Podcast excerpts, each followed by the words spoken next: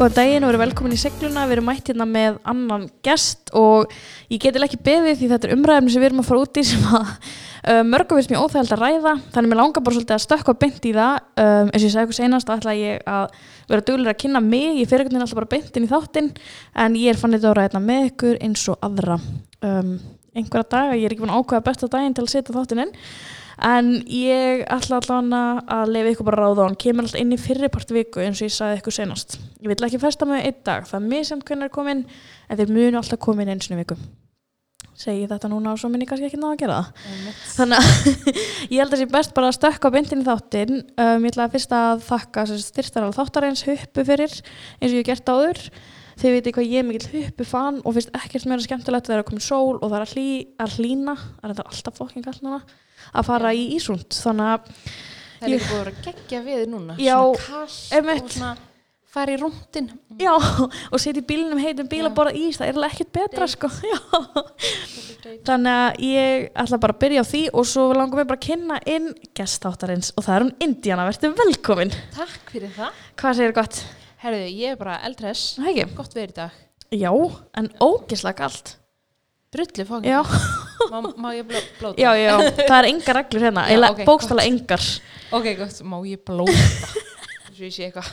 Alveg, Bló- má- blóta aldrei. blóta, nei, ég veit, alveg ég blóta aldrei það er fokking allt Fókin ískalt en þetta bara En það sem Eh, ég finnst alltaf best að gera er að bara þú takir smá kynning á sjálfur þér, Ok. hvað þú ert að gera og hvað hef, þú hefur að gera. Og ég reyna alltaf að hafa það viðmið að þú veitir ekki, enginn veit Já. hver þú ert. Býtu það vita allir hver ég er. Já, nákvæmlega, veistu Þannig að hver ég ég er? er? ekki að kynna mig. Halló. Mér finnst bara, sko, þegar ég hlusta sjálfa viðmælendur í podcasti og er svona, þegar ég tek hlusta á manneskjan, er kannski þekkt og fólk veit hver hún er Einmitt. og þá vill ég samt heyra, úst, mér langar að vita what makes you you. Já, ok. Þannig að þú veist til ég að henda bara svona, er bara svona lítil spurning til að byrja með. Já, bara what makes me me uh, Engin pressa. Uh, Ég er Hvað er ég? Já, ég er mastersnemi í kinnfræði Mm. sem er sem sagt að rugglas margir á kinnfræði og kynjafræði Já, en kinnfræði sem ég er í sem sagt kynlífsfræði ok. Þú veist, þetta er Masters of Education í Human Sexuality uh, og ég er með BS í sálfræði svo ég er lítið badd sem er fimm mánuði í dag Til Eh, að mingju. Takk Og hrætur. um, Já, hvað er ég meira? Uh, Já. Unnusta, skilji Vinkona, Branka, amma. ósla fyndin, skilji Já, já, finnir hún skæðileg. En hvað, þú veist, eh, núna er það alveg frekar einstakt að heyra einhvern sem er búin að mastera bara kynlíf. Já, Og þetta er eitthvað sem að ég, þú veist, ég tala mjög mikið með vinkunum mín að reyna að hafa mjög opið en ég veit alveg ég aftur að róna bringunni og alltaf ræði þetta, sko. já, Þetta er eitthvað svo, er eitthvað sem ekki tabu dæmi. já og fólk svona verður þetta alltaf feimið með þetta en alltaf misfeimið Mhm. og líka oft svona fólk sem eru opið með þetta er eða þú veist, jú það er kannski opið en það kannski getur bara að tala út frá persónlega reynslu Mhm. þú veist, ég er kannski er ekki að fara að segja þér hérna allar mínar uppáhaldsstellingar og veist. ég fekk síðast fullnæðingu þú veist, það er svona ég tala um þetta náttúrulega Almennt. almennt Mhm. og þú veist fræðilega máta og reyna að vera þetta svona inclusive á Mhm. alla. En hvað verður til þess að þú ákveður að læra þetta? um, sko ég var í hérna FG var í sálfræð og fungað þar. Og við ættum að velja okkur svona efni til að halda fyrirlesturum og ég held og ég mátti velja bara hvað sem er. Og þá fór ég eitthvað að skoða svona kynraskanir og ég held fyrirlestunum það og ég var bara geggja spennt yfir því og bara svona vákvæmt skemmtilegt. Og ég var að segja mömmu frá þessu og hún eitthvað herðið bytti það er hægt að læra þetta og ég bara, ha, hún bara já byttu eitthvað, þú veist, googlaði, fann Siggudögg fyrir mig. Og ég eitthvað svona, já, alveg rétt eitthvað og þú veist, ég sendi henni bara hvar hafði hún lært? Og það var bara svona, ok, geggjað ég hef geggjaðan áhuga á þessu og hafði alltaf haft áhuga á kynlífi, eða þú veist, það er eins og ég sé bara að ég verð alltaf gröð. Já. nei, ég hef bara haft áhuga á þessu Bara, af hverju við gerum þetta og ertu já, með þannig og bara, bara já. kynheilbrigði og allt þetta. Og já, þannig að þetta var eiginlega svona þá þegar ég var hann í framhaldsskóla eitthvað svona 17-18 ára þegar ég var bara svona, já ok, það er hægt að læra þetta. Og síðan þá var það bara markmiði Okay. En þú fórst út að læra það ekki því ég, sagt, ég veit af þér í gegnum Twitter byrja að fylgjast með þar þegar þú ert úti. Algjörlega. Og hann ert að setja svona alls konar inn um námið og Já. þeir sérst splitja út saman eða ekki? Jú, fórum út saman. Og við ákveðum dóldi, við leitum að stað að því kæristin minn er hugbúnaverkfræðingur og eða, þú veist, hann tók master úti. Þannig að við leitum að stað þar sem við bæði getum lært. Um, og við vorum sannstast í Philadelphia í bandaríkunum Og hvernig er það að því að þú veist, hvernig myndir segja tíma, eða, þú veist, hvernig lærir maður þetta? Hvað er maður að læra? Þú er þetta anatómi eða er þetta, þú uh, af hverju gerum þetta eða? Sko, að því þetta er Masters of Education þannig að þetta er kennslufræði. Þannig að það er rosa mikið eitthvað svona að búa til kennslu áallun en þá alltaf tengt kynlífi mm. eða ekki tengt kynlífi heldur kynfræðislu þannig að þetta er, þú veist, það er bæði svona content efni, þú veist um líkamann um hvenar krakkar að byrja að stunda sjálfsfórun uh, heilbrygt kynlíf eða þú veist, örugt kynlíf með getnaðavörnum og en líka bara svona samskipti á milli, þú veist fólks og þetta er bara ótrúlega breytt Okay. Mér langaði náttúrulega líka að ræða þetta því að þetta er einmitt eitthvað sem við ræðum ekki. Ég held ég Já. er rosalega mikið sem Íslendingar. Og ég fór að hugsa um þetta um daginn að þú veist og nú veldi ég fyrir mér hversu opið maður á að vera en mér langar að vera mjög opið með þetta því að ég veit að það eru mjög mikið af ungum hlustundum sem að spá þetta í við erum öll að hugsa það sama. Einmitt. og í grunninn erum við öll að spá í því sama og af hverju, þú veist, ég hugsa alveg oft bara um það, bara af hverju gerum við þetta? Einmitt. hvað er þetta, af hverju veist, af hverju er þessi löngun og allt þetta? Þannig ég bara, ok, ég ætla bara að gera, fara mjög út fyrir minn þægindarama og ræða Já. þetta svona þetta er náttúrulega mjög persónulegt. Já, algjörlega. Og þetta er óslega mikið feimnismál fyrir fólk af því það er alveg upp í okkur. Bara, uh, já uh, kynlífi bara milli þegar kona og kall elsku hvort annan, alltaf kona og kall í þessum bóksum og alltaf eins og þau var ást. Og svo einhvern veginn verður við unglingar og eldri en það og eru bara, já ok, ég er bara að ríða því ég gröð. Ekki að því, þú veist ég er svakalega ástfangin eða sem manneski að býja 5 klukkan 5 um skilurðu. það er ekki þannig. Nei, ekki alltaf, þú veist, jú líka Já, já. en alls ekki alltaf.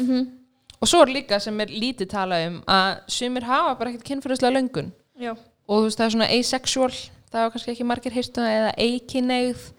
Það er líka bara fullkomna eðlegt og að því það er líka svona það sem talað er um kynlíf í okkur samfélagi, það er bara, já, þú veist það vil þetta allir og svo fara að stunda kynlíf og þá verður til börn, bla bla bla, en það er ekki talað um allavega ekki kynfræðslunum sem ég fekk bara allan að skala, það er alltaf lægi að vilja ekki kynlíf. Ég Þannig að sá um þetta eitthvað svona- myndband á Facebook bara um, um minna að vera en stelpa sem var að tala bara einmitt um bara að hugmyndin um kynlíf bara svona disgust var svona, eh, hann var já, ég, mér finnst gett mikið stafið strákur. Já. en hann eitthvað svona, þetta veldur mig bara svona óglið bara Já. tilhugsun og ég var bara er, þannig að hafi ég aldrei heyrt um þetta áður. Að því einmitt ég held líka sko kynfræðsla er svo rosalega lél eða þú veist, ég manna bara sjálf um, þú veist, það var svona you get pregnant and you die. Og þú veist, og fyrsta kynfræðsla hvað, þú veist 14 ára eða eitthvað og þú veist, þarna eru við kannski nokkrar vinkonur eða einhverjir í hópnu byrja að stunda kynlíf og það er allir bara, ég er bara deyja. Já, bara oh my god. Þú veist, ég á eftir að fá þennan kynnsjúkdóm. Ég er einmitt oft með kynfræslu og ég hérna þú veist það sem ég er að taka núna, það tala ég um kynnsjúkdóma en ég tala ekki um, þú veist, hei, hérna klamdi það er bara, þú veist, einhvern, þetta ég bara, mér finnst það ekki skipta jafn miklu máli og hei, hvernig forðastu að fá kynnsjúkdóm og hvað gerir. Þú veist, hvert ferði tjekk og á maður bara að fara í tjekka eða eitthvað að og ég fæ eftir spurningu bara ok, ef ég er búin að stunda kynlíf frá 14-15 ára krökkum bara ég er búin að stunda kynlíf og hérna get ég fengið kynnsjúkdóm eða þú veist, hvernig verða kynnsjúkdóminn til bara, já, við vorum bæði að sofa saman í fyrsta sinn skilur, höfum ekki sofa hjá nennum öðrum getum við verið með Einmitt. bara nei, sýking, þú veist, þetta verður að verða til staðar fyrir veiran eða bakterían eða hvað þetta er Mhm. og þau bara, já, ó, ok. Heldur það sé meiri vakning veist, meðal úlingi dag og á móti því sem við vorum yngri því við fórum ekki á Google og bara do I have an STD eða eitthvað skilur og þau geta meira svona letis upplýsingar. Heldur að þau séu betur varin heldur en að við vorum til dæmis? Um, sko það er náttúrulega miklu meira auðveldra aðgengi að alls konar efni fyrir þau heldur en þú veist, þegar við vorum í ok, það er hljóman eins og við segjum 100 ára en það er samt bara svo mikill munur á þessu árum sko. síðan og við vorum veist, í, á, bara í unglingadeildinni. Nákvæmlega. Uh, eða ok, 12 ára eða eitthvað ég man aldrei hvað ég er gömul. En allavega þetta er svo auðveldur að við vorum ekki með síma og gáðum flétt upp hvernig klamidía lítur út eða veist, við hefðum kannski þurft að fara heim í tölvuna sem var fram í stofu eða eitthvað, í fjölskyldu í tölvuna fjölskyldu Mhm. og stótið að séu það fá ár þá er samt rosalega mikill munur að myndli sko. munur að þessu og aðgengi að upplýsingum. Mhm. um, þannig já, ég, held, ég veit ekki hvort það sé einhver svona betur var en gegn kynnsjúkdómum út af auknu upplýsingum. En það er kannski meiri aðgengjandi að þeim að kynfræðslu Já. en svo líka auðvelda aðgengar að mjög lélegri kynfræðslu Mhm. til dæmis þú eins og klám þú veist, jú, horfið á klám eða viljið en bara það er ekki kynlíf Mhm. en margir leitaði það sem kynfræðslu Já, og hafa kannski enga aðra kynfræðslu þá bara, ef þú hefur ekki hugmynd, af hverju myndir ekki halda að kynlíf væri svona, eins og þú sér kannski klámi Já, eins og sér líka, þú veist, ég held að það sé mjög mikið vandamál hjá strákum. Ég, þú ég náttúrulega er þarna gagkinnægð, þannig að ég þú veist, get bara að tala út frá því. Einmitt. Svona sérstaklega, ég held að strákar upplifi bara að þeim finnst þetta næs Já. og þá hlýtur þetta að vera næs. Já, ummitt Og ég var að mynda eitthvað að ræða af vinkonum minn daginn og ég var bara svona, þú veist, við erum hérna fullur svona 25 ára gamlar og við vorum eitthvað svona, ætlum að sé ekki sjaldnar en ekki spurður koma vilji. Við vorum bara, og þá voru allar eitthvað svona, "Hmm, er ég einhvern tímann spyr hvað ég vil. Já, og ég held að þessi rosalega mikil svona menning ekki viljandi hjá strákum. Nei, ég er ekki að tala niður til þeirra nei en að þeir svona viti ekki eða, bara þe bæða þeir viti ekki og, og við vitum ekki að við Já. eigum skilið að þetta sé gott fyrir okkur líka. Emmitt og líka bara svona að því skilabóðin sem konur og svona fem einstaklingar fá eru bara að þið eru til að taka móti. Mm Mhm. skilur eins og til dæmis þegar vera að tala um bara hvernig börnum vera til. Já, já, sæði sín syndir að ekkinu mm skilur, nei, ekkið kemur niður að móti skilur, þetta er takes two to tangle þannig þú veist, bara það og ég meina, þú veist, það er alltaf já, og svo tippi, það kemur brund hérna út, upp að uh, já, það er fæðaböð uh, konur með píku, það er fæðaböð Já. skilur það er ekkert eitthvað, já, hérna er snýpurinn og hann er bara fyr, hérna fyrir fullnæðingar endilega nutið hann til að fá fullnæðingu eða skilur já, ég man líka bara, ég var kynfyrslega þá var bara svona fullorinn hjúgrunafræðingur já, sem stóði yfir okkur og var bara eitthvað ekki svo hjá, Já. þú veist ekki gera það. Og var bara eitthvað, eða svo hjá, það fáðu kynnsjúkdóm og það var bara þessu míngur, bara a- atriðið þarna sko. Já, sem var, var svo hrikaleg upplun sem að leta alveg mjög mikinn hluta held ég af okkur mörgum já, þú veist, svona upplifunin algjörlega. Og líka við vorum svona svolítið seimar fyrir að stunda kynlíf Mhm. og meðan strákarnir voru að gera eitthvað skemmtilegt á meðan. Já, svo voru þeir og svo, voru við eitthvað hvað er þeirra við vorum bara um sálátt og já, menn við erum eitthvað svona já, hérna er myndband að kona að fæða bad og þeir myndir fara á túr og það kemur hérna út og hérna eru nokkra myndir að píku með kynnsjúkdómum skilur og alveg þetta gerist ef þeir stundu óværi kynlíf og bara mynda píku með vörtum. Ég Já. bara, bara og líka svo mikið svona skömm, eða svona shaming, svona mikið skömmun bara svona, svo vott að maður fær Ég hver, veit. þú veist, það fær einhver manneski að er meira kynnsjúkdóm á þessu landi, hvernig væri frekar að vera bara ok, þú veist, ég þarf ekki að sjá hvernig þetta lítur út. Ég bara, ef ég finn einhver óþægindi eða ég er að sofa hjá fólki og nota ekki varnir eða, Mhm. þú veist, varnir að klikka eða eitthvað að fara í tjekk og þetta sé allt í lægi og það er engin dauðadómur að fá, þú veist, fólk fær kvef maður er ekkert eitthvað, oh my god fann þetta voru ekki með skilurðu. þetta er bara kynnsjúkdómur þetta er bara, þetta er ekki svo mikið big deal, þú veist. En hvað hvað, til læknis, fá lifin segðu mannskjum þetta er eitthvað einn tabla ég mitt, mann hvað var svona hvað var hrikaleg upplun að fá bréf.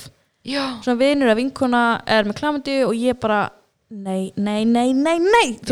Og þurfti bara að fara heim og sjúkra og svo Ísafirði sem ég þekkti konuna sem tók við pröfunni. Já. bara hvað er að testa og ég bara, það er emmitt ég bara, veist, það er bara einhverjan úti sem gaf mér þetta já, og let mig ekki vita.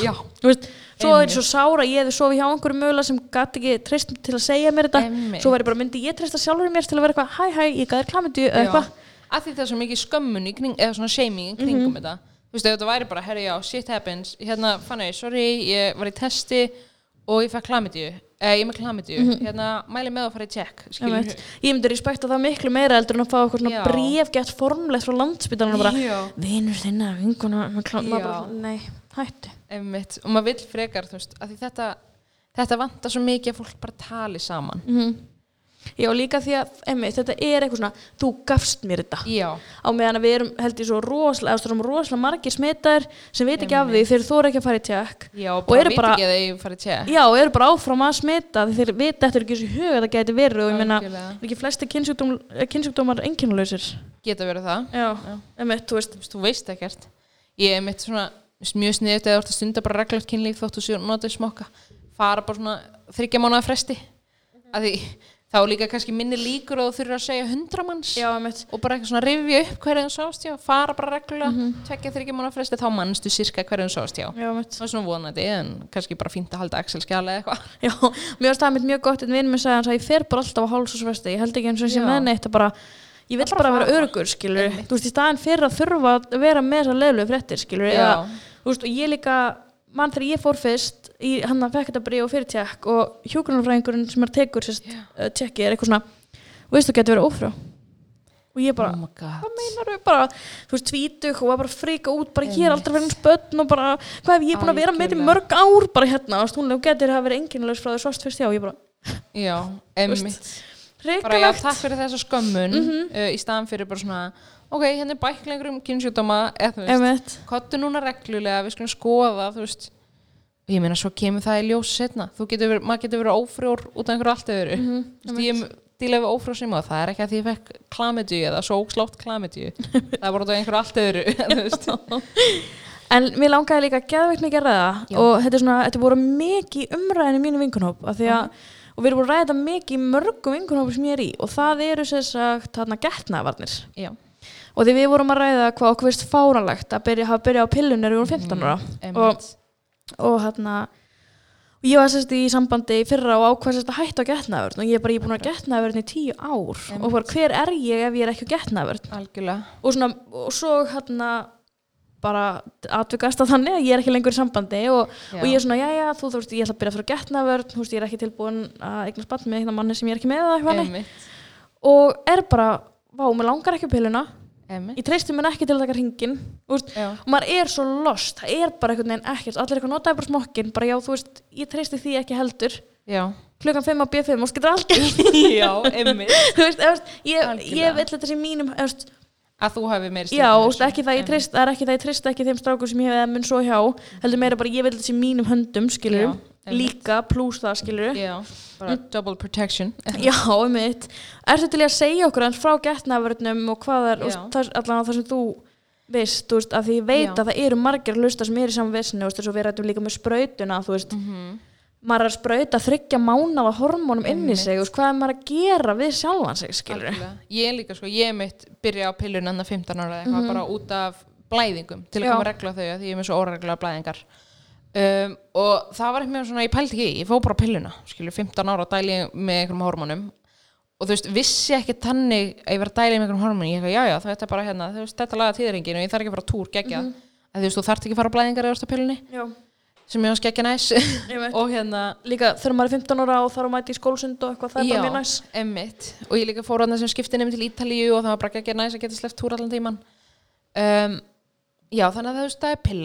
og að það ekki að að það er það til alls konar pillur. Og þú veist það er ekkert endilega fyrsta pillan sem þú ferð á sem henda fyrir þig.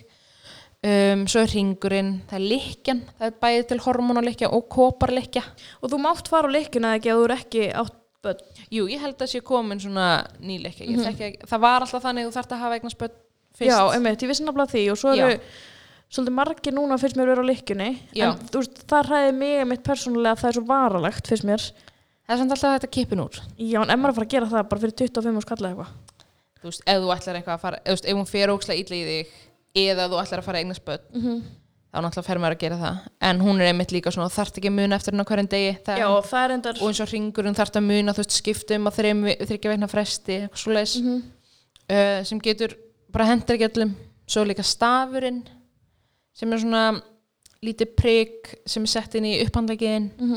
svona uh, það er líka hægt að fá svona hormonaplástur já, ok, ég vissi ekki því. já, svo er náttúrulega líka þú veist, það er smokkur og svo er líka til hetta sem er svona um, það er ógæslega erfitt að útskýra því útvarpi.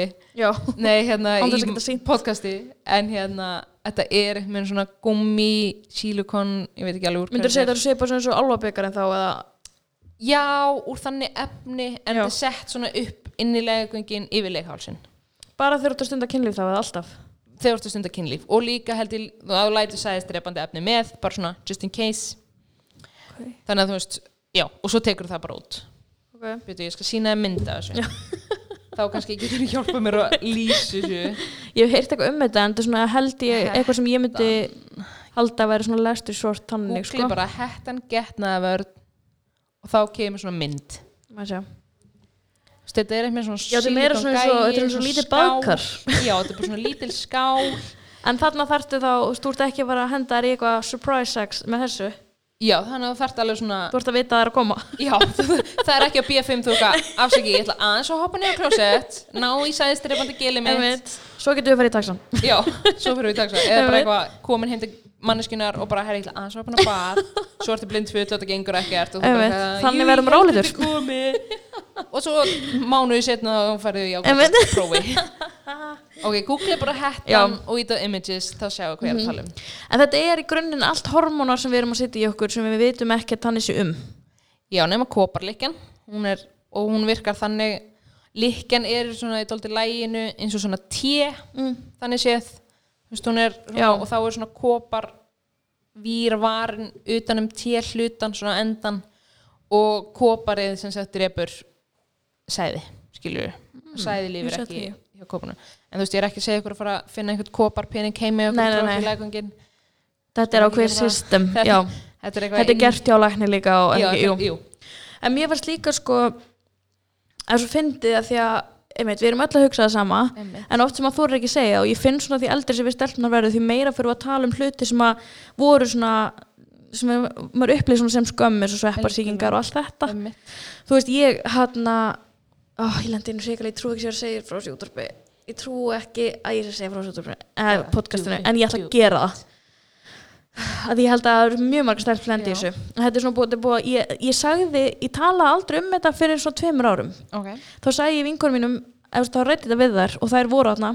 Ok, ég ætla bara að segja svona sem sagt, ég var á blæðingum og var með dömbindi og við erum búin að sitja í sófa, ljósum sófa í skólanum mjög langa tíma, erum í eyðu og ég stend upp og ég sé að það blóði sófan og sést bent neður áttur ég príka og það er að koma fríminútur og það eru þú veist allir að fara og allir að koma og allir sætustrákunnir einur eldri sittast í sófanum mót okkur og, og inn í mér fer bara eitthvað Þú svona bara, oh god, ég er föst í þessum í lífi. já, einmitt, og ég líka að hugsa bara ég hef aldrei skrópað í tíma, ég get ekki slefti kennarinn kemur bara næri mann í grunnskóla skilur Já, og ég bara, hvað, já, ég og veist, hvað ég gera, og svo enda ég að standa bara upp á labbiburtu og stelpunar svona, þeim bregður svo mikið að ég sé farin að þær standa upp, lítið sofan, setjast yfir það já og þær bara, já, bestar. Og þær setjast bara og þær veit ekki hvað þær eru að gera. Og ég ringi mömmu hágrátandi labbaði heim og bara, viltu bjarga þessu bara? Já, mamma var slakalsi, skilur og hún ringir í kennaran og kennarin ringir í gangavörður sem þrývörð og stelpun að komast í tíma. Já, og svo rættu við þetta aldrei. Ég bringa þetta aldrei upp. Fyrir fyrir svona tveimur og síðan þá var ég bara hvað stelpur. Og þetta gerðist bara á takk fyrir að rættu þessu skilur og þær eru bara já við höfum aldrei talað um þetta. Ég bara, því að ennþá 23 ára gömul skammaðist í mín fyrir að þetta Algjörlega. Eitthvað sem ég hefði enga stjórn á. Ný, ég minna blæðingar eru svo eðlar. Einmitt, og ég held að það var svo margar stelpur hafa lendi í þessu. Sem að er sem, veist, þetta er eitthvað sem við ráðum ekki við. Þetta gerist eins og fokkin mánuði þetta er bara jafn eðlilegt og að vera með hór veist, við ráðum ekki við þetta. Já. og maður er svo gæðveitt seimaður. Já, og þetta er líka svona innan gæsalapa svo skítugt. Já, uh, Þú veist, eins og að þú ferð í dömubindadeildina í hagkaup mm -hmm. ókslega mikið svona ilmefna lykt það er bara alls konar ilmefni í dömubindum að því það er svo vondlykt af píkunni innan gæslappa já, um, og það er svona þú veist, við erum að kaupa alls konar sápur og alls konar hitt og þetta veist, og það er til svona píkusprey eitthvað svona, þú veist, þetta er bullshit. Já, er það? já, það er ekki vondlykt af píkum. Ef það er svona virkilega slæm lykt af píkunniðinni þá er líklegast einhvað að skilur en hvaðan komu þá allar þessar vörur? af hverju er þetta allt til? að því það capitalism baby. Það er búið að sannfara okkur um að píkur séu skítuar og píkur eru óhreinar og aðalega þegar að fara túr að það sé svo reykjala óhreint. Um, til dæmis bara í þessum löndum þá mega konur ekki fara í skólan og í vinnu bara þegar það er túr að það er svo reykalegt Einmitt. um, taka mynd það já. En líka ég, veist, ég man eftir þessu sko, Já. ég meikaði ekki fara að kaupa döfumbyndi, túrutæpa eða neitt. Ég let pappa minn gera það, já, pappa minn. Já, og hún varst það örgulega meira vandrar alltaf mér sko. Já, já, já. Eða, þú veist en samt hann er bara fullur maður hún er okkur slett já, og ég eitthvað svona ég, en maður er samt bara, oh my god. Ég veit það, en það var líka bara svona sætustrákur um á kassanum og, já, og ég eitthvað, hann var pappi, úst, ég vil þetta. Og svo f- fer ég út í bíl. Já, ég og hann kallar eftir mér, vildur þú fjólubláa? Og ég Já. bara, viltu ekstra, ekstra large? Varst ekki að dóldi miklum blæðingum fannig og hann bara svo í sig að kaupa þetta og ég bara, úst, já, eins og fólk vissi ekki að maður verið að byrja á túr maður, þú veist, eða, þú veist, já. eins og, að, þú veist, af hverju er þetta svona? og líka þá svona fannig, áttu, áttu dömubindi Mhm. eitthvað svona kvísluleikur í staðan fyrir bara öskruðu bekkin á einhver túrtapa Mér er svona krakkar í dag miklu opnar með já, þetta sem er geggjað það er samt. frábært sko. Að þetta er svona allavega skilur vini mínir og svona þegar vorum yngri þá var allt svona maður kannski tók túrtapan og svona laumaði honum í vasan og lættist fram á klósett svo enginn myndi sjá að það voru á túr. Setti líka sko umbúðunar í pappir Já. setti pappirinn lengst og hann ruslið. Já, íttir onni í staðan fyrir bara veist, þetta er bara smá blóð. Einmitt. og líka eins og þú veist, tengt kynlífi. Já, veist það máli stund að kynlífa túr. Það er ekkert hættulegt, það er ekkert ógslegt skólið ykkur bara eftir á. Hafið hanglaði undir eða vil ekki fá túr í rúmið mm -hmm. mér finnst þetta sko mér finnst þetta smá erfitt af því ég held ég hafi alltaf verið svo seimuð já, og líka eftir þessa upplifin sem var mjög mikið svona, núna finnst mér þetta bara smá fyndið og Já, þú veist, en smá bara svona svo en ég man, traumatizing já, bara. ég man hvað þetta var hrikalegt. Já, og bara ringi mömmu, bara ég get ekki fara aftur í skólan ég þarf að skipta um, ég þarf að flytja í nýtt bæjarfélag bara hérna, já, en þetta er eitthvað svo, þetta er eitthvað svo hrikalegt. Og ég held líka því að við sem konur eigum alltaf að vera að gefa svo mikið í kynlífi. Já, að þegar við, eða þú veist, og gefa og ekki þykja, skilur einmitt. Að þegar það er eitthvað svona og maður er kannski ekki fullkomin inn að geðslappa að þá erum bara eitthvað, nei, ég má ekki. Veist, ég sagði bara mjög lengi við fyrsta kærasta minn sem að ég á fyrsta kærasta hans og almennilega og hann á Já. fyrsta kærasta minn ég ætla eitthvað, "Heyrðu, ég er á pillupásu og svo lengi, svo já vorum bara saman ekki í sagt er Nei, og svo sko fjórum árum setna eitthvað hann mér eitthvað, ég vissi aldrei hvað þýtti Þú veist, ég ætla eitthvað, ég er ekki svo hjá. Já, og bara akkur fyrir hann á pillubásu er það bara eitthvað sem henni dettur í hug þegar þú veist í staðan fyrir að tala bara saman bara herri ég er á túr. Ok, við getum farið í sleik og mitt. líka finnst þetta bara, þú veist, að þeim er á túr þetta er bara svona bleita og eitthvað skilur Mhm. mm. sumum finnst það bara svona gökki og þú veist, sumir hafa bara klíkju fyrir blóði þú veist, allt í góðu. En hérna veist, að tala bara um þetta. Mhm. farið þá bara í sleik og skilur settu því túrtapa og þá getur manneskja nuttaða snýpin eða eitthvað skilji mm. þá er ekki blóð, eða bara svona hreinsaðu okkur, það er ekki, þú ert að túra það sé bara fossandi endalaust það Svo þú leggst niður þú veist og ert nýbúin að þrýfa þig. Það er ekkert að fara að fossa úr þér. Nei, uh, Þetta er bara eitthvað, akkur sko, að því við erum svo geðveikt úr árið 2020 Mhm. en við erum ennþá samt veist þannig að ég er rauð á bringun ég er, ég er róðin í kynnu með að tala um þetta sko, og ég er svona smá að panika inn í mér að ég sé að fara að setja þetta út í heiminn skilur en samt reyndar með hjálpu svo frá Sigurdök og þegar ég sá þið tala um þetta á Twitter þá var ég bara svona já, eitthvað sjálfsfrón ég, ég man bara að þú veist hvað þú veist, þú finnst það er svo malta að ræða vingun sinnar já, að við vorum eitthvað svona, það er bara sem stelpur ger ekki skilur einmitt, algjörlega. Og ég held að það sé mjög algengt Mhm. viðþorf í dag að þetta er bara sem stelpur ger ekki. Einmitt. Þetta er bara sem strákar gera og þeir bara, veist, gera þetta hardcore bara ykkur hardcore klámi og, Já, og og, bara- allir strákar gera það þannig já, sem er ekki satt náttúrulega. Nei, það er nei, engin eins, þú veist. Ég man líka, þú veist, þegar ég var yngri þá voru, þú veist, strákan alltaf að tala um, þú veist einhverjir strákahópur sem ég þekkti þeir, þú veist, fóru í hópferð í strætó Mhm. og var að runga sér bara aftast þú veist, pældi því að vera veist, bara fullan af konu, lappa svo inn í strætó og það er bara eitthvað 13 ára pjakkar að runga sér aftast gera þetta heimi okkur, saman í stofunni eða eitthvað, mér er alveg sama. En þú veist, maður heyrir aldrei eitthvað, herði, jú, ég og Fanny ætlum að taka hérna ásinn upp í Hafnafjörð og við ætlum að fróa okkur. Getur þið ímyndað þér? Þetta er eitthvað, þetta er eh, þetta er eitthvað svona Já, og það er líka bara að því ég gerði BS-rítgerðinu mínu um sjálfsfróun já, uh, það er svo hann sinni að gera það.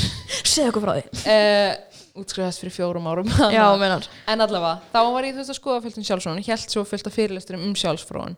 Og þá var ég að skoða veist tíðinamunin hjá stelpum og strákum. Og það er svo pyrrandi að sé alltaf stelpur og strákar en veist alltaf Já. í rannsóknum þá er þetta rosa mikið fast innan kynja tvíhyggjunar þessi box. Um, þannig maður verður dólda vitni í stelpur og strákar því það er ekki mikið rannsóknum um hins einn fólk og hvernig sjálfsfróun þeirra er þannig að það er alveg svona 20% munur. Þú veist, ég man ekki nákvæmum tölur en strákar það er svona 95% stráka sem stundur sjálfsfróun þetta var í Svíþjóð sem sagt þessi rannsókn. Já, og stelpur eitthvað þessu 96 nei, sjö, 96 76 þannig að þú veist 76 Já, ok. stelpur strákar 96 eða 95, eitthvað svo leis þannig að það var alltaf svona um 20% og munurinn liggur náttúrulega dóldi í eða þetta er sem sagt á unglingsaldri eftir kynþórskaldurinn og munurinn liggur dóldi í að hérna, veist, strákar flesti með tippi og tippin hanga þarna framan að þeim og taka mun fyrir eftir kynfröðslegum viðbröðum uh, og þú veist, þeir sjá þegar þeir fá standpínu og sjá að það er sáðlát. Menn við erum kannski bara í bónus og finnum bleitu og þú veist, föttum ekki af þessum graðar að við sjáum Baltasar Kormák og hann gett heitur og við erum bara eitthvað, ok, ég er að byrja túr kom Já. heim og bara, já, ok, nei, ég er blaut skilur þannig við tökum miklu setna eftir þessum viðbröðum og líka, þú veist, snýpurum fær stampinu en maður sér það ekkert. Aha. Já, hann er magnar, ég elska snipin uh, Hann bara svona, þú veist, þrútnar smá út og verður, þú veist, rauðari bara út á auku blóð, blóðflæði. Já, ok. en hann rísi ekkit upp eins og tippið skilur Já. það er ekkit fyrir manni, þú ert ekkit í gráum joggingbuxum og snýbröðinu bara með byllandi sampinu og sér, sérst og líka svo er, þannig að þetta er svona þetta líffræðilega og líka þetta félagslega bara strax frá því að þú veist, stelpur eru veist, ungar um, bara börn, skilju tvekja þryggja ára og þá eru fóldrarna líklegri til að skamma stelpunar ef þær eru eitthvað fyrkta í kynfærinu sínum eða fróa sér heldur en strákar.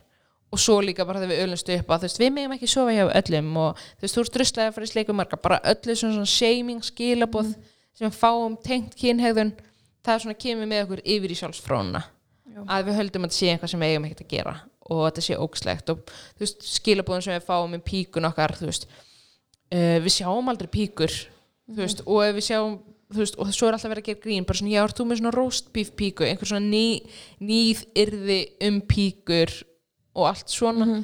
Þannig að við svona byggjum inn í okkur neikvæð skilabóð sem við fáum og þá erum við bara, já, ok, nei, sjálfsvonum er bara eitthvað jökk og ef ég stunda sjálfsvonum þá tala ég samt ekki um það veist, og allir eru bara eitthvað í sikkur á hotninu að stunda að fróa sér en enginn talar um það meðan strákarnir eru hérna í ásnum og leiðin upp í veist, að runga sér Við við veist að það dref fyndi sko. Já, er Þú myndir aldrei heyra um stelpur sem hefur gert það. Nei, Aldrei. herri, Já, ég- við einmitt gerðum þetta bara. Eða eitthvað svona því maður hefur svona heyrt um að strákar rungið sér saman oft. Já. Þú myndir aldrei heyra stelpu segja þetta. Eða, þú veist, ég held að það sé næstu því 100% að Já. myndi ekki segja þetta sko. Og ef það myndi gera, myndir aldrei tala um það. Ég hef reynda gert það Að það? Ef, Ég var svona námskeiði sjálfsvona Já, ég sá þetta á Twitter. Hvað meinar þú samt? Hvernig, vorum- segðu okkur frá þessu. Er, man, núna þú segir þetta, þá man ég eftir þessu. Þetta er sko, þetta var mögnu upplifun og fólk er líka alltaf bara, ha, hvað varst að gera? Þetta er sem sagt Betty Dodson, hún er uh, svona hálfgerður frumkvöðul innan kynfæra eða svona innan sjálfsfrónar um, vít kynfræðinar. Hún byrjaði með þessi body sex workshop bara fyrir löngu, bara við erum að tala um veist, fyrir 50 árum eða eitthvað. Og hún er nýræði núna. Og já, hvort hann hafi verið 89 þegar ég var aðna fyrir tveim árum eða eitthvað. Ég man ekki hvernig ég var aðna, ég veit ekkert. Um, og þetta er sem sagt þú kemur hann inn og þú veist fyrsta daginn þeir eru bara alla nættar, alla helgina þetta er tve, tveir dagar og við erum bara svona að tala um, við skoðum á okkur kynfærin og svo daginn eftir á sunnudeginum lögadagar, sunnudagar þá stundum við sjálfsvon, alla saman í ring uh, og fyrst gerir sko þær eru tvær með þetta Betty og Karlin sem er með henni.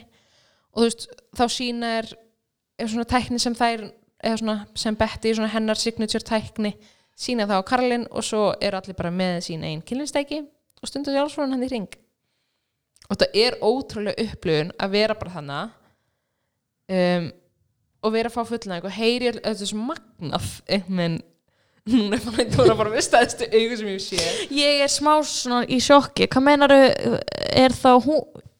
sko fyrst sína er á Karlin Karlin er miklu yngri kona hún er svona 35, 40 ég Sína veit þær saman á henni? já, þú veist hún er stundar sjálfsvon og Betty, eldri konan, er svona að segja hvað hún er að gera Ok. uh, og það er líka einhver svona grindabott, svona lóð sem þær eru að nota um, þetta er barbell.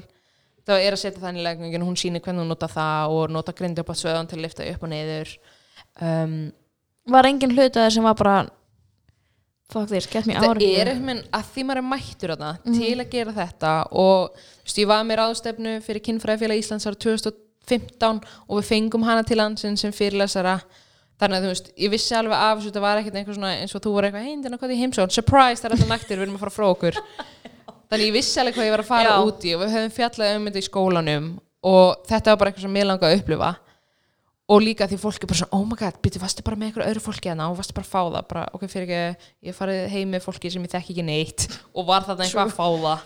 Þannig að, En- þú veist, af hverju er þetta eitthvað En verð hvað fannst makan einum um þetta mannin? hann er bara, hann er bara já, já, endina, skemmtuðu vel Hefur hann alltaf tekið bara vel í þetta? Fyrst honum þetta ekkert, ekkert skrítið? Þú veist, nei, ég held ekki, ég held hann sé bara mjög vanur og líka, þú veist, við kynntumst á Tinder herrans árið 2015 mm. og þá var sko ég var búin að, hann, hann á tvíbura. Hefði kynst tvíbura bróðunum að sáður á einhverju, hérna lýsráðstefnu á laugavatni þar sem ég hefði verið með kynlistækja kynningu. Já, og sem sagt Tryggvi bróðans var búin að segja fjölskyldinu frá skrýtni stelpinu sem var með kynlistækja kynningu veist, Kristoffer vissalega að því þegar við kynntumst. Hann vissi hvað hann var að fara út í svona hann vissi hvað ég var að fara út í. Mhm. hann var að fara út í. Þannig að þú veist já, þannig að hann er alltaf bara já, já, ok, hvernig var? Geggjað, eða skilur við. Ég get það smá svona, eða ekki á sama hátt en ég get smá tengt svona við hvað þú meina því ég fór á kapp þar sem allir eru hérna í ringi svona hugleðslu er allir að upplega, þú veist, fólk, ég var til dæmis hágrátandi bara í tvo tíma, þú veist, sumir svona stinja, sumir öskra og bara, Já. þú veist, bara allt svona mjög mikið tilfinningar. Mhm. og það, ég er svona, get svona ímynda mér hvernig þetta er gagvart í bara hvað þetta var intens og hvað manni fannst maður náinn fólkinu og þetta var engin nækin og engin svona sjálfsfrón samt, sko. og líka það var svo magnað að það var ein kona um, og svona, hún var svipið um aldrei hún var allar svona ynga krantunum, þar voru allar svona ég var eiginlega, þú veist, með þeim yngstu. Mm. hún voru bara tíu og hún bara, ég hef aldrei fengið fullnæðingu bara hafði aldrei fengið fullnæðingu og svo fekk hún þarna fullnæðingu Æ, og það er svo magnað að við, að, veist, við vorum svona allar búin að fá fullnæðingu eitthvað nema hún. Og hún eitthvað svona satt svo upp bara, "Æ, ég er svo stressuð og ég bara, þú veist, ég leifi mér ekki að sleppa. Og talaði hans við Betty, þannig að hún bara svona, talaði hann til og hún bara svona, ok, ég ætla að prófa einu svona enn. Og hún fekk hann fullnæðingu og það er svo magnað að við lágum og sátum bara hana að heyra hana frá fullnæðingu fyrsta skiptið og hún var, eða, þú veist, Já. þetta var svo fallegt eitthvað þetta var ekkert eitthvað svona ég veit ekki fólk Ég held er maður- auðvitað bara guðið minn fucking almættur, hvað var hann að gera En ég held maður sé bara treynaður í því að finnast þetta ekki vera okkar. Já, og líka við erum svo treynu í það að þú veist, kynlíf er eitthvað sem maður gerir bara með manneskinu sem maður elskar Mm. Þú veist, ég var ekkert að stunda ég, ég er ekkert að segja, þú veist, já, ég var í orgið með tíu konum um daginn, en, þú veist, þetta var bara ég stunda sjálfsfrón og það voru aðra konur að stunda sjálfsfrón mm. við vorum ekkert að fróa okkur annar eða eitthvað svoleiðis. Um, og ég meina þótt að hefði verið þannig, ég meina maður hefur alveg þú veist, af hverju þetta einhvað öðru sem heldur en að stunda kynlíf með einhverjum skiljur sem þú ferð heim með eða ert að deyta eða Um, um, að því það er svo imprintað í ykkur að kynlíf sé svo heilagt og er bara með manneskjum sem elskar eða bara með einum aðila Mhm. þú veist, eitthvað svoleiðis. Þetta er eitthvað voða heilagt dæmi. Já, og þetta er bara veist, þetta er, okkur er alltaf kent þetta er bara til spöld já einmitt. Og veist, ég held að þetta sé fyrst núna ef ég finna þegar krakkarnar á leikskólanum spyrir mig hvernig börnir er til þá er ég bara ræðið ég bara, þetta er ekki, ekki það að ég skammist mér fyrir það, Einmitt. þetta er ekki mitt barn þetta er ekki, ég veit ekki hvað tólkun þú vilt. E, segja barninu skilur að því svo er þetta líka svo mikið tapu og sumir eru rosa viðkvæm fyrir þessu, Já. tala mjög mikið um þetta. Og þú eru mjög opni með þetta. Mm en þetta er bara eitthvað ég, já, já, sumir líka ekki þú veist, fá ekki fræðsluna um hvernig á ég tala um kynlífi með barni mitt? Mm um, og þannig að þú veist, barnin kemur og spyr hvernig verða börn til? Og þú heldur að þú þurfur að fara að skoða ef þú doggy style og skilur þið brundar uh, þú veist, þetta er ekki svoleið. Það er bara svona, já, sumir eru með tippi og það er sæði þar í pungnum uh, og það er sæði fyrir inni í manneskinu sem er með leg og leggöng og þar hittir það ekkið og það fyrir, þú veist, -hmm. það er hægt að útskýra þetta bara svona líffræðilega hátt, þú veist, eins og að myndi spyrja, hvernig öndu við?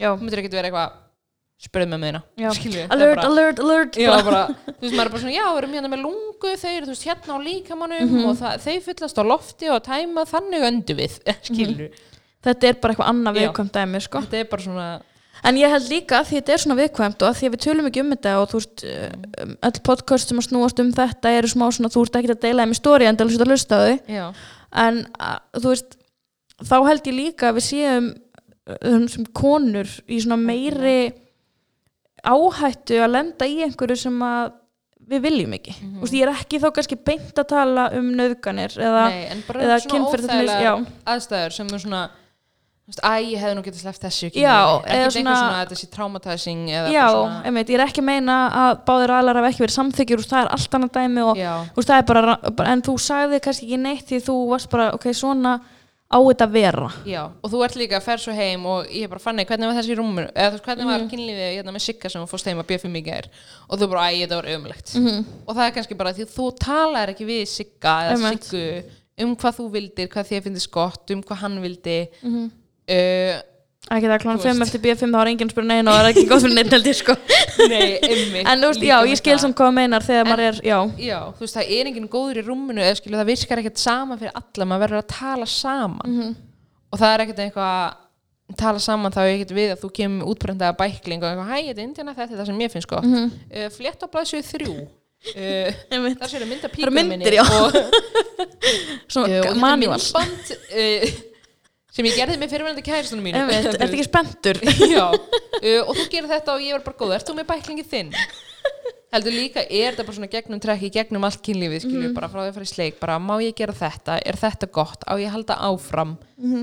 um, viltu prófa þetta? Og líka, þú veist, ef þú ert byrjuð á einhverju, segjum sem svo að þið ætla að prófa enda þannsmjög eða prófa totta eða tó, prófa sleikja píku eða eitthvað að það má alveg byrja svo má hætta við það má segja, herru, ég er ekki að fíla þetta, mér finnst þetta ekki gott. Eða, herru, mér finnst þetta eitthvað óþægilegt. Eða, eða það er eitthvað vond, bara herru, ok, getum við aðeins hægt á okkur þetta er eitthvað óþægilegt.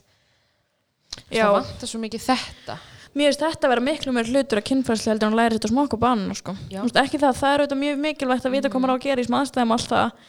En veist, ég mani fyrsta skipti sem var svona gengi á mig þú veist, að ég vildi ekki að ég var samt bara, ég er bara kona þetta er bara sem ég á að vilja Einmitt. og þetta er bara sem hann heldur að ég vilji og greiði strákurinn datt ekki eins og huga, ég vildi þetta ekki af því að ég Já. sagði ekki neitt og líka hann hefur kannski bara séð þetta einhver staðar Mhm. og heldur að þú fílar þetta hann fílar þetta kannski ekki sjálfu og bara eitthvað svona ok, jú, hún fílar þetta ekki geggja vel hún er ekki að segja neitt og Já. það, hún er allavega ekki að segja nei skilur en hver er samt svona þitt viðþörg á klámi af því að ég hef Já. Bara viðkjanna að ég hef aldrei hort á klám. Nei. af því ég bara meika ekki. Mest, veist, ég, er, ég er ekki að tala niður til neinn sem gerir það sko, Nei. alls ekki en ég bara, meika ekki allavega eins og er, ég hef aldrei gert það. Einmitt. bara ég úst, fer ómikið bara í þetta veist, þetta, er, þetta er ekki svona veist, Já, og bara þetta, veist, ég veit að uh, núna einhver eftir að segja eitthvað en veist, mér, ég, þegar ég ætlaði að reyna Já. þá var ég bara þetta fólk á fjölskyldu þetta fólk á mömmur og pappa, veist, ég bara get ekki það kemur bara eitthvað svona ofhugsunar það bara kveikir ekki í mér. Já. En hver er svona þín skoðun sem manneski sem veit ekki alveg eitthvað um þetta? Um, sko, klám er ekki bara klám. Það er til alls konar klám. Og það er til lélegt klám sem er frítt á netinu og það er til betra klám sem er betur hugsað af framleiðslunni sem borgar fyrir. Um, og það er líka til, þú veist, feminist klám. Það er til heimildamind á Netflix. Uh, man ekki hvað hann heitir. Þetta er svona þáttur ekkert mjög langur um konu sem heitir Erika Löst. Og hún gerir sér sett svona feminist klám og þá er, þú veist, hún fær innsendar sögur. Bara eins og ég geti bara sendt henni sögu af fantasíunu minni. Svo fær hún leikara sem er bara svona venjulegt fólk. Ekkert eitthvað klámleikarar.is og auglýsar eftir einhverjum heldur auglýsir bara eftir fólki til að taka þátt að ég gera þessa fantasíu. Já, ok. og mér minnir að í myndinni, tóldur langt síni sá hana eða þessari heimilda þætti þá var hérna um, þá var kona sem sendi inn fantasíun sína og hún var sem sagt píanóleikari og fantasían hennar var að hún væri að spila píanó og það væri einhverju undir píanónu að sleikjana minni mig að þetta hafi verið eitthvað svo leiðis og þá fekk hún bara, þú veist, venjulegt fólk til að leika út þessa klámsinu eða þessa ok. kynlífsinu. Og vandamáli líka með klám er að, þú veist ok, jú en ég gæti alveg að sendi slæm skilabóð um hvernig kynlíf er. En ég meina hvað skilabóð fáum við frá Disney myndum? Það að þú ert mjallkvít og þú ert svovandi og svo kemur prinsinn og kissi þig án samþykis mm Mhm. Það og þú ert að vera prinsessa að býða að einhver prins kemur að bjargi Það veit. þannig við fáum heldur ekkert einhver heilbrið skilabóð um sem, sambönd þar. Um, og þú veist, en við fáum samt þú veist, fóreldrar okkar gefa okkur alveg, þú veist, eins og ef við horfum að Batman og hann er eitthvað hoppandi frá með einhverjum byggingum og kerinn þessu brjálæðingur, þú veist, fóreldrar okkar segja svona, já, þú veist að þetta er nú bara plat. Við fáum ekkert, það er ekkert sest niður að tala við okkur, herði, ok, klám uh, þegar verða brunda í andlitið af einhverjum, það er ekkert allir sem vilja það. Maður þarf að spurja. maður þarf að spurja, sumir fíla ekki allir. Þannig að vantar svona klámfræðslu um uh, bara hvernig klám er að þetta sé ekki, að kynlíf sé ekki alltaf svona þú ert ekkert eitthvað sítandi í strætónum og kemur einhver ókslega heitur gæi og þið farið í sleik og stundi í kynlíf hann fyrir, þú veist, Já, sem getur verið sena í klámynd og það verður bara fullkomlega eðlegt en gerist ekki í Engin raunveru vilja í lífinu nei. um, En hvað finnst þér um þegar fólk eru í sambandi og, þú veist, að því að við hefum rætt um mikið að þú veist, fólk er í sambandi og horfir á klám og þá, þú veist, ekki saman finnst þér að vera brot á sambandinu þegar þú ert að nota ekki, klám sko. í sjálfsfróun eða alls ekki. Þetta er bara svona þetta er kynfæðislega örfandi efni. Mhm. um, og það er líka svona þú veist, talið um þetta, hvað finnst ykkur um þetta? Að ég segi kannski nei þú veist, og ég myndi kannski hvetja kærsta minn til að fara að horfa á klám og stundu sjálfsfróðan meðan öðrum finnst það kannski óþægilegt.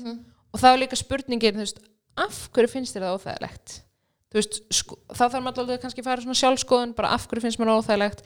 Er það að því ég er kannski búin að fá skilabóð um það frá samfélaginu að það sé ránt og það sé innan geðslapa framhjóhald já, einmitt, það er sem ég er að spá. Já, en það er ekkert framhjóld þetta er bara kynferðislega örfandi efni og þú veist frekar bara hvettu, hvattu hvat- hvettu, hvattu, ég kann ekki íslensku. Hvattu, hvattu makaðin til að stunda sjálfsfrún hvettu, nei.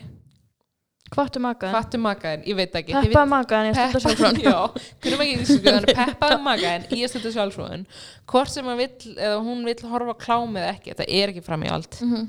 uh, líklegast ekki hann ekki manneskuna já, og þetta er ekki tilfinningalegt þetta er líklega. tilf- nei, eða þú veist, í örgla fæstum til örgla einhverjum Já, já, gæti verið ég maður líka svona störtlaðast að mómenti þegar við vorum fyrsta í hóknum Svafi á eða eitthvað og hún eitthvað verið tilbúna með hangklæðið stöppusur eða eitthvað til að fara inn á klófin til að byggum í fóreldrahúsum og og við eitthvað svona af hverju af hverju hangklæði og það er bara og hún eitthvað af því að við vorum búin að sjá í myndunum þar sem fólk sefur hjá og svo leggst það bara hlið við hlið undir eitthvað svona laki Já. svo silki laki helst Já, Já, og allir bara hæ? Og það sagði mann enginn hvert brundið þér, eða sæðið, hvað sem er best að kalla þetta. Það, ég, við vorum bara byttu nú við, er það bara inn í manni, hvert ferða, hvernig maður að taka það, Já, að því líka í kynfræðslu það er eitthvað svona brundi fyrir inn, svo fyrir inn í leið þetta er náttúrulega mjög gagkinneitt og þú veist, hittir það ekki eða ekki en það er ekkert eitthvað, já, uh, það fer bara smá hluti af sæðum okkar mest er bara inn í leigöngunum þínum. Og þingdaraflið vinnur stundum mótið í og það leikur bara niður. Einmitt. Og við vorum bara búin að sjá öllu myndum og svona voða róm og bara svona hún fyrir af honum og bara svona, Já. þetta var æði. Þetta var æði, já, Nei, þú lappar eins og mörgæs inn á klósett og brundið svona smálega og þú heldur á því, hen, þú lætir svona hendina í klófið og hérna lappar eins og mörgæs. Uh, eða einmitt grípur næsta hangklæði og er eitthvað svona liggur þarna. Sko þetta er svo fyndi hvað ég róna mikið við þetta.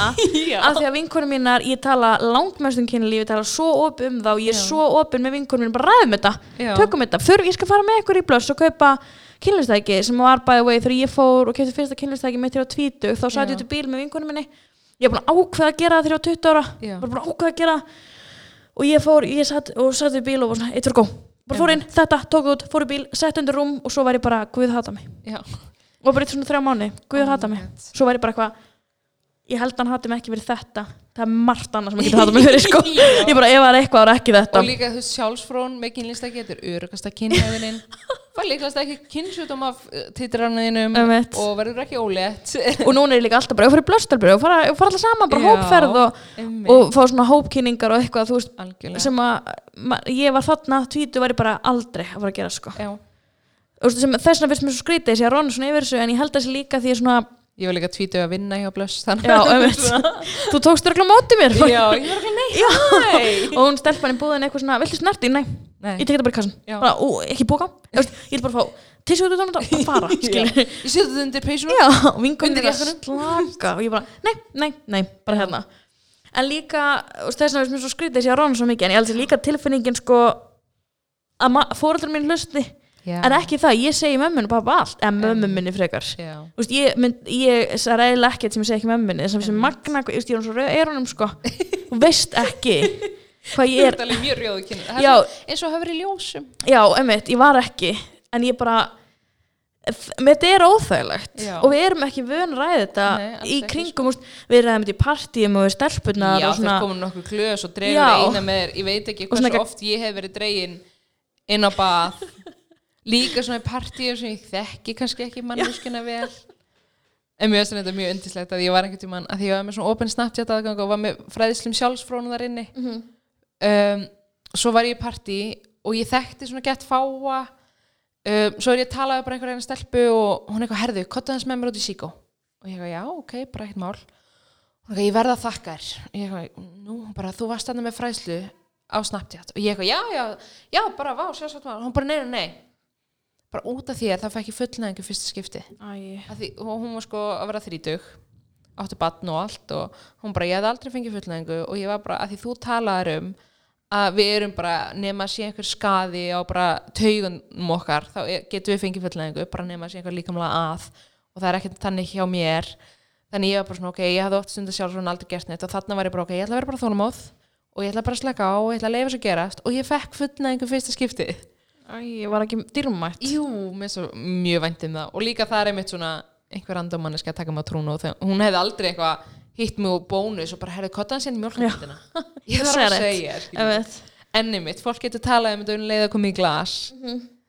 Mér finnst líka bara því eldri sem við verðum hópurinn já, því líklega erum við til að tala um þetta ekki í glasi. Já, líklega erum við til að vera bara eitthvað þú veist, þetta gerðist og þú veist, ég gerði þetta ég var að byrja þeim, skilur þú veist, en þegar maður er búin að stunda kynlíf þetta lengi þá er þetta svona, þetta er svona vond, vond, vond, vond, vond og ok, núna getum við rætt þetta mannstur og þetta gerðist, þetta var ekki lægi, skilur eða þegar, þú veist og líka oft þegar maður er yngri þá kunnum maður ekki að taka við þessum upplýsingum Já. af því að maður gæti ekki sagt neitt og maður gæti ekki þessu upplýsinga heldur. Einmitt, en nú með núna er maður bara eitthvað hlusta þetta podcast og lesta þessa grein og þetta er ekki lægi og líka svona um, hvað ætla ég að segja ég það ekki. Hvað voru að tala um? Nei, vorum að tala um bara að sérst, tala, byrja að tala um þetta því eldri sem já, það já. verður. Og þú veist, það má vera vandræðalegt að tala Mhm. um þetta. Það má segja bara, ok, fannei þetta er sjúklega vandræðalegt. Hérna túrtapin, ég finn hann ekki. Ég held að hann sé fastur veist, Einmitt. það má vera eitthvað svoleiðis. Það má, þú veist, það má róðuna og það sé sjúklega vandræðalegt og ég meina, það líður svo bara hjá. Einmitt. þú ert ekki bara að vera vandræðalegur að eilífi, bara eins og allar tilfinningar það koma svo fara þær mm við Ég líka ætla alltaf að taka umræðu um álfabyggarinn í stóri á mér og svo bara frestaði því, frestaði, frestaði, er ekki ennþá búin að gera já, bara eitthvað einmitt af því að þú eru svo ógæslegur ég er að setja í kaltani og, og hann þetta er svo ógæslegt allt og og þú mér ángaði bara svolítið að tala um þetta því að það er svo allt önnu líðan að þú ég finn Já. fyrir svo rosalega breyttri líðan já. þegar nú það túrtapa frekar en og einmitt eins og túr nærbuxur Já, magnaðasta. Sko ég fílaði það ekki, Ah. ég fekk að prófa, ég var sérst, mér voru sendar Já. túrnarpsur, ég prófaði það. Og jú, kannski var það meira það líka, ég var ekki tilbúin að tala um það Já. af því að ég, mitt, mér fannst það ekki passa mínu. Já, já, en líka á tímabilið þá var mjög mikið verið að byggja ykkur um að auglýsa dömubindi.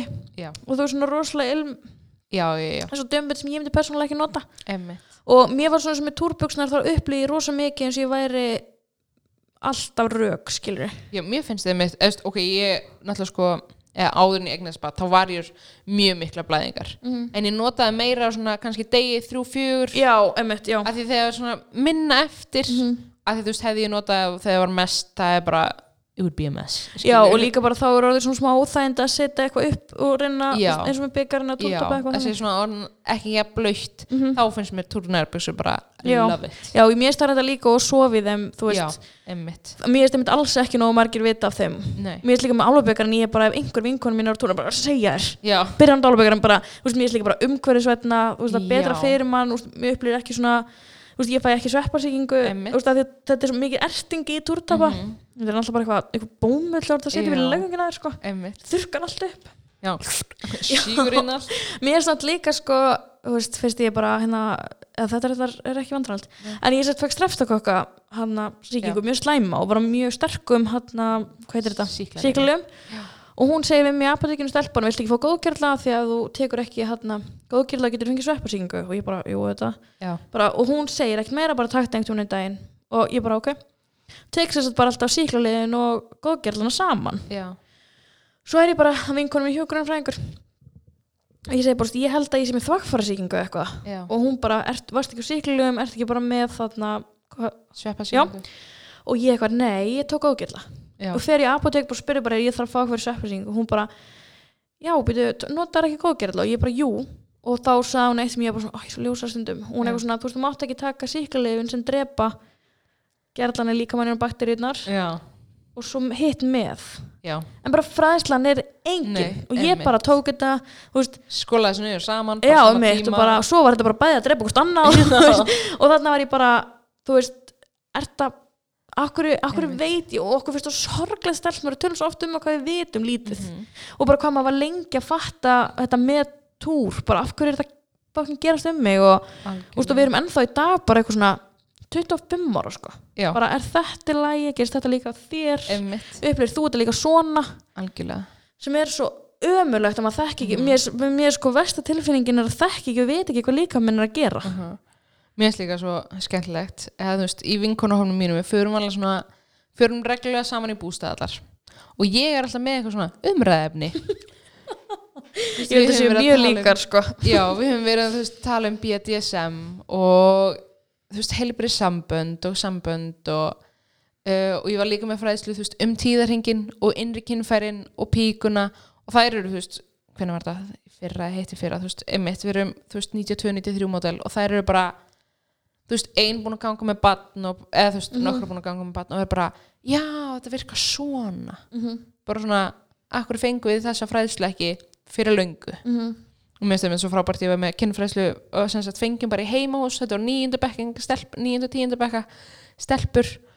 Og ég var að fara yfir skilu tíðarhingin og píkuna með þeim. Og þú veist, What, og tala mömmuðan með fengið það já, ok, Hún það bara- er styrla, það var það var bara pizzur, svo kem ég og þú veist, fóldran fór í húsi menn ég var þarna bara, þú veist, minn svo þær getur spurt og já, Já. emmitt, bara þú veist, fóldran treystu mér bara að, þú veist, Einmitt. ég var ekki að fara að halda partí eða eitthvað. Og ég var bara með símanúmer hjá fóldranum ef eitthvað kemur upp á. Um, og þau, þær voru bara oh my god, akkur fengum við þessa fræðsliki hérna þú veist, frá hjókunarfræðingunum akkur verði ekki skýrt svona? Og vá Þú veist. hvað þetta, ef einhver er að hlusta sem á börn á ólinsaldri þetta, ég get ímyndað mér að þetta hefur svo miklu þægilegra og líka þú ert, þú, ert ung skilur, Já. og ég var líka bara hvað er þessi sjötu kona að fara að segja mér um kynlíf skilur, ég bara, er það grínast í með það og svo man ég að kom fólk frá ástráði já, heim og það var mjög flott en það var, þú veist, eitt skipti í bæjavinnunni yfir sumarið. Já, og svo ekkert og þau var svona Einmitt. heitur smokkar og marg svona, ó, smokkar já. ein Þú veist. jafningafræðsla sem var klukkutími eða þrý tímar eða og þú veist, aðgangurinn að smokkum er alltaf bara hryllilegur veist, ég veist, veit ekki hversu oft þegar við vorum úlingar að eitthvað svona skerfla steinn, hver þarf að kaupa smokka eða eitthvað svona, hver ætlar að kaupa oldipróf Já. líka í litlu bæfélagi. Mér finnst líka svo fyndið, einmitt með að kaupa smokka fólk finnst það svo sjúkla vandræðalegt en ég er alltaf svona, ég hugsa alltaf bara ok, ég er svo fucking nett, ég stundar kynlíf. Vari Tek hérna, kynlíf. uh, Halló, ertu með smokka? Mér vandar tíu stykki. Kem aftur á morgun.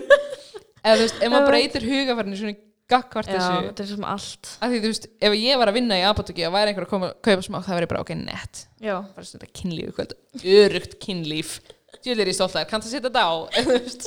Þetta podcast er svo mikið að var heita örugt kynlíf. Ó, ég er að Og- reyði fram og að þau sko. er bara svona, ó guð, hvað? Hvað fann þetta að koma svo út í? Já, en þetta er einmitt, sko þú veist, ég segi þetta alltaf, ég get talað um þetta endalust og við getum örgulega verið hérna bara fram eftir getum verið með tíu þátt að sé Já, ég held þá, ég held ég þurfi bara að fá það aftur og Já, líka, ég held að næst þegar ég fáið eftir ég fáið í þáttinn að hérna, ég ætla að opna fyrir spurningar frá Já, fólki. Mér var svona, ég held að, vera- ég held að sé fínt að taka þennan þátt í svona kynningu og svona þessas, hvað þú, þessar, hvað þú ert um, algjörlega og svo meira kannski opna að fólk geti komið nafnlega spurningar Einmitt. næstur og kemur og bara höfum ekkert langt í það nei, ég er bara mjög til í En það ekki? Jú. Ég held að það væri bara geggja og ég er allavega búin að læra margt Já, ég veit að það eru stelpur að núti og strákar líka vonandi sem eru að hlusta og að taka til sín og, og virða sig líka og sín mörg og að það sé alltaf lægi að þetta sé gott fyrir alla Einmitt. mér er eiginlega mikilvægast og bara er ég er ekki því sko eitt svona lokapunktur, mér Mhm. fannst alltaf kynlíf kláraðist í gagkinja kynlífi mm. bara þegar gæin er búin að fá það. Bara, þá er það bara búið þú liggur hana ófullnægð og er bara, jæja. Þú Mhm. mátt líka gera kröfum fullnæðingu ég er ekki að meina að þú ert ekki til að þvinga bara fullnæði mig núna Já, já. Neina, þú veist, við erum að tala um samþyggi öllu. Mhm. en það má alveg segja hei, hérna, ok, þú ert kannski mjög þreyttur eftir að fara fullnæðingu bara lífeðlislega viðbröð og eitthvað. Uh, getum við byrjað á mér næst? Já, ömmett Ég held að það sé bara snild að enda á þessu. Ég held að við bara gerum það bara þannig að næst þá setjum inn þegar þetta podcast er komið inn eftir cirka þrjár vikur þegar við erum að taka upp í dag að þá förum við bara bráðum að skipulegja nýjan tíma Já, og opnum fyrir spurningar spurningar. ég held að sé bara, þetta er svo þart umræfni og er ekki Já. hægt að tala um þetta nóg sko. Algjörlega. þannig bara takk fyrir að koma í þáttinn Og- mig. við sjáumst aftur von bráðar þú verður bara svona reglur gestur þættinu með nýja og nýja umræfni. Ég vil þakka Indíunni æðislega fyrir að koma og líka styrstalarum okkur á huppu. Ég segi nú farið með einhverjum sem að ykkur langar svo hjá huppu og ræði þetta saman yfir ís. Já, hvað er ekki gott í kynlífi? Já, af því að þetta líka er ekki umræði sem þarf alltaf að vera in the moment. Nei, Má alveg tala um þetta bara á hlutlisum vettmangi, kannski ekki inn í ísbúðinu að láta öðru fólki lítla, en kannski bara tvö í bílunum eða eitthvað. Eða tvö, tvær, tveir. Maður reyna að vera svona meira, einmitt, ekki að exclude einhvern. Já, vera inclusive. Já, það er líka mikilvægt. Þannig að bara takk æðislega fyrir komuna. Og við sjáumst næst.